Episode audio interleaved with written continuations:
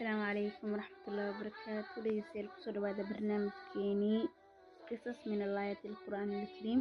oo aan kaga hadlayna qisooyinkii ama dhacdooyinkii sababta oo ahaa inay soo degaan aayadaha qur'aan kariimka qaar ka mid ah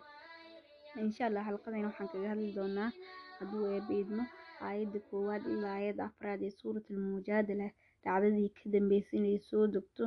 magacan mujaadala ee suuradda ay wadatana halka uu ka imaaday oo micnaheeda tahay haweeneydii doodeysay waayadahu waa laku leeyahay qad samica allahu qawla alatii tujaadiluka fii zawjiha watashtaki ila allah wallahu yasmacu taxaawurakumaa in allaha samiicun basiir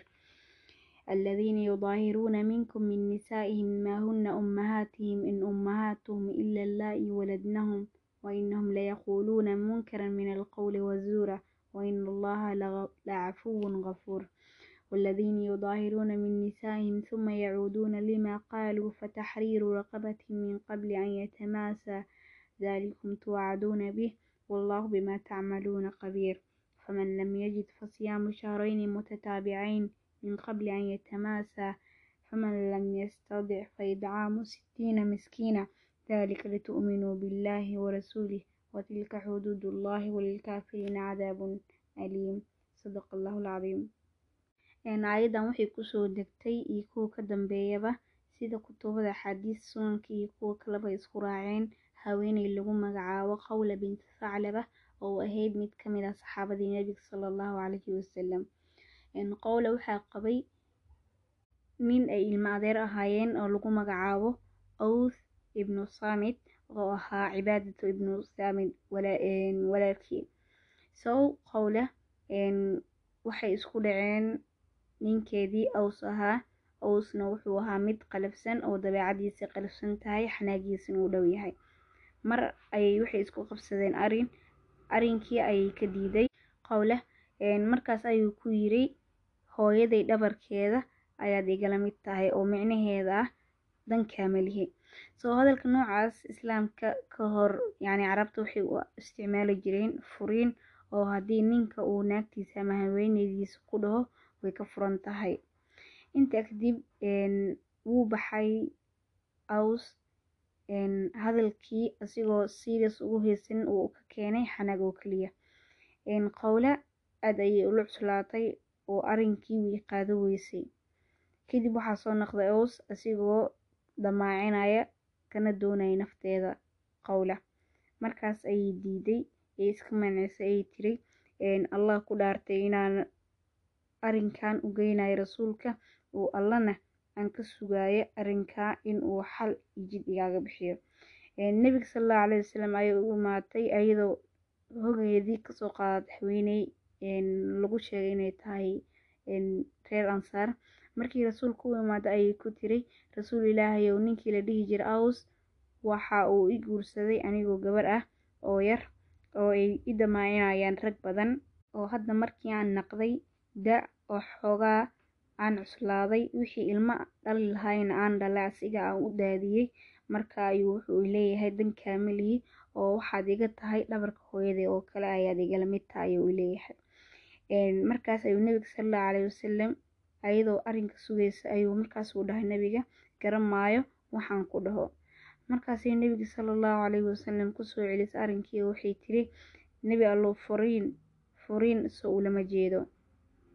sidii ayuuna nebiga salallahu calayhi wasalam ugu soo celiyey oo wuxuu ku dhahay wax kuu garan maayo markii hadalkii iyadii nebiga salallahu calayhi wasalam xoogaa isku celceliyeen bay tiri ilaahay baan u sheeganayaa asagana ka warsugaya arrinteedana u dhiibaya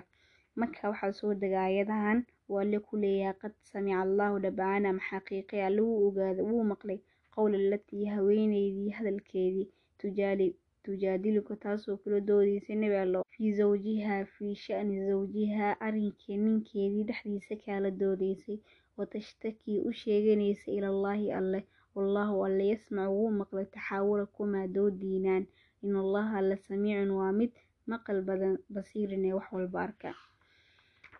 Aayadaha markay soo degayeen caaisha waxay leedahay waxaana sahan allah subxaanahu watacaala oo maqalkiisa u waasaca noqday dhawaaq kasta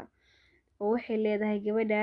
ee qowlaha markii ay nebiga wada hadlayeen. Aniga guriga dhinaciisa baan fadhiyey oo hadalkeeda qaar ka mid ah baa iga qarsoomayay oo markii hoos u dhigto si fiican umaan maqlaynin allana min fowqi sabca samaawaad ayuu ka maqlay. Oo alla ayaa nashan ayay leedahay. So aayadahan waxaa loogu hadlayaa xukunka dihaarka iyo kafaarada ka dhalanaysa markii uu sameeyo qofka muslimka dihaar waxaa la lahaa af soomaali malahan balse qofka ama ninka markuu ku dhaho haweeneydiisa waxay iga tahay dhabarka hooyada oo kale oo dankaa malihi ayay la micno tahay. Soo alle wuxuu leeyahay aladiina kuwii yudaahiruuna dihaarayay minkum idinka idinka mid ah min nisaa'ihim haweenkoodii qaar ka mid ah. Maahuna ma ahaanin haweenka ay qabaan ummahaatihim hooyooyinkooda in ummahaatuhum ay maa ummahaatuhum hooyooyinkooda ma ahaanin ila laa-i kuwii maahinay waladnahum dhashay ayaga wa innahum ayagana layaquuluuna waxay dhahayaan munkaran wax xun oo min alqowli hadalka xaggii ahaaday wazuuran iyo been abuur. Ina allaha alana lacafuw waa midka saamaxaada badan ghafuurin ee dembi dhaafka badan. Waaladiina kuwii yudaahiruuna dihaaraya min nisaa'ihim haweenkooda qaarkii suma kadibna yacuuduuna u soo laabanaya oo wax ka dalbaya. Limaa qaaluu waxay dhaheen darteeda waxaa waajib ku ahaatay fataxriiru inay xureeyo raqabatin qoor min qabli ka hor an yatamaasa intaysan istaabanin. Daalikum arrinkaana tuucaduuna laydinku waaninaya idinka bihi asiga. Wallahu bimaa tacmaluuna waxaad sameynaysaan qabiirun waa mid xog ogaal ku ah markii nebiga salallahu caleyhi wasalam aayadahan soo degeen qowlana loo sheegay oo loo yeeray inuu alle arrinkeedii waxay ka soo dejiyey loo sheegay waxaa lagu dhahay ninkaaga ha sameeyo qoor ha xureeya lagu dhahay. Markaasii tiri rasuul allahayo waxba ma haayo oo yacni qoorna ma ma hayno addoon oo xoreeyana manoo joogto oo xoogaa reer tabareed ayaana nay tiri. Markaas waa la soo dejiyey aayadda kale ee ku xigta ee ah faman lam yajid ciddii aan helin inay xurayso qoorta facaleyhi dushiisa waxaa ahaaday siyaamu inuu soomo shahrooyin laba bil oo mutataabiciin isku xigxigta min qabli ka hor an yatamaasa intaysan istaabanin. Markii lagu dhahay ha soomo laba bil ee isku xigxigta qowla waxay tiri rasuul allow waa nin cad ah oo da ah oo weliba ma soomi kara laba bil ee isku xigxigta oo soonkan ma ahan inuu soomo maalin maalin uu ka tago ama uu lixdan maalin uun tirsado balse waa inuu soomo qofka lixdan maalin ama laba bilood isku xigxigta oo xitaa hadduu soomo konton iyo sagaal beri oo hal maalin u dhimantaha maalintaas xigtan uu furo wuu soo bilaabayaa soonkii. Soo markii tiri ma awoodo alle wuxuu soo dejiyey ayad kale uu kaga khafiifinayo ambay kale xukun kale kaas oo ah faman lam yastadic qofkii aanan awoodin inuu soomo lixdanka maalin ama labadaa bil isku xigta. Facaleyhi dushiisa waxaa ahaaday idcaamu inuu quudiyo sitiina lixdan oo miskiina masaakiin ah daalika arrinkaana litu'minuu si aad u rumaysaan alle billaahi alle iyo rasuuli rasuulkiisa ayay u ahaatay. Watilka taana iyo xukunka alle soo sheegay xuduudullaahi waa suhdinta alleh walilkaafiriina gaaladana waxaa u sugnaaday cadaabun cadaab cadaabkaasoo aliimun xanuun badan oo wax xanuujiya ama kuleyl badan. Markii nebiga salallahu caleyhi wasalam uu yiray waxay dhahday ma haysto wuxuu ku quudiyey lixdan masaakiin. Ayadoo meesha jooga ayaa waxaa la keenay nebiga salallahu caleyhi wasalam loo keenay hadiyad raashiin ah markaasuu nebiga dhahay raashinkan qaad oo geey ha sadaqeeyo. Markaasi waxay jiray rasuul allow anne intaa in la eg baa ugu darayaa markaasuu nebiga dhahay allah kuu barakeeyo. Haddii hal mar aan kafaarada ku noqono kafaaro gudka waa horta saddex saddex waa weliba herar ay kala leeyihiin. Heerka koowaad hadduu qofka sameey waayo kan labaad uu sameynaa. Oo kan labaad hadduu sameey waayo oo haddana wuxuu u gudbaa kan saddexaad kafaaro gudka dihaarka kow waa in yacni qofka uu xureeyaa qowr. Qowrtaa waa addoomihii jiri jiray xilligaa balse hadda ma jiraan. So haddii uu qoorta awoodi waayo inuu xureeyo wuxuu soomaa laba bilood isku xigxigta oo weliba maalin aysan u dhexeynin hadduu soomi waayo qof uu yahay mid da ah sida awskoo kale waa inuu quudiyaa lixdan masaakiin quudinta uu quudinayo imaam shaafici wuxuu dhahaa wuxuu ku quudinayaa hal mud. Mudkana waxaa la dhahaa labada sacbo mugooda in yacni la siiyo. Waxay kaloo dhahaan qolo kale waa nisfu saac oo waxaa waaye labo mud ay la mid yihiin. Ayada min qabli an yatamaasaa waxay ku soo noqotay laba jeer oo weliba axkaamtii kafaarada saddexdaa ka mid ah laba meele ku soo noqotay. Culimada qaar waxay dhahaan meesha saddexaad eenan ahayn min qabli an yatamaasaa yacni kuma jirto oo ka hor intaysan een bixinin ama kafaarada debin yacni way tacaamuli karaan tacaamul sawjiya wuu mari karaa ayay dhahaan. Balse waa mas'alo khilaafi ah. Soo aayadahan inay soo degaan dhacdadii ka dambeysay sida ayay ahayd oo waxay ku soo degeen qawla binti saclaba balse xukunkan dihaarka ah wuxuu quseeyaa uu waajib ku qof walba ee muslimaha ee sameeya dihaarka oo yacni qaas uma laha qawle iyo zawjkeedii qawla waa haweeneyda mujaadala ee suuradda magaceeda loogu bixiyey tii doodeysay magacaana halka ayuu ka imaaday. Qawla binti saclab alla raali ka naqday waxay ka mid ahayd haweeneydii haweenka ambiyo kale kuwa saxaabiyaadka ah ee weliba diinta alle u dardaarma dadka kale baa ka ahaaday xili ayay u dardaarantay oo la sheegaa khaliifada xili uu ahaa cumar bin khadaab asigoo cumar wato jeish ama rag qoreysh ay la socdaan ayay jidka ayadoo mareyso ayay u yeedhay. Markay u imaaday kadib way waanisay ayadoo dheheysa yacni waxaa jiri jiray oo goobjoog aan ahaa xili lagugu yiri jiray cumeyr oo aad ahayd mid magaalada ku haya ari weliba ul ah ku celcelinaysid haddana waxaa lagugu magacaabaa ayay tiri amiirulmu'miniin oo xiligaa wuxuu ahaa cumar bin khadaab amiirulmu'miniin oo khaliifada asaga ahayay marka waxay tiri alle kaga cabso xukunkaaga ayadoo waaninaysa ayay waanisay kadib markii ay baxda kadib waxaa weydiiyey cumar oo yiri nin cumarow yee haweeneydan duqda ah oo weliba sida aa u dhageysanaysid aana kaga soo tagtay reer rag reer qoreysh ah oo ayada u imaaday markaasuu cumar yiri weylaka war hoogaagii ma taqaanid miya? Oo ma garanaysid miya haweeneyda ciday tahay? Markaasuu yiri ninkii maya markaasuu cumar ku dhahay waa haweeneydii uu alle ka maqlay. Min fowqi sabc samaawaat todoba samo korkooda ayuu ka maqlay. Oo wallaahi aan ku dhaartay haddii maanta oo dhan ay joogi lahayd ayadoo aniga wax ii sheegaysa waan joogi lahaa. Ilaa salaad haddii la gaarana inaan tago soo dugta ayaan soo noqon lahaa si aan warkeeda u dhageysto oo kama joojin lahayn ayuu dhahay cumar.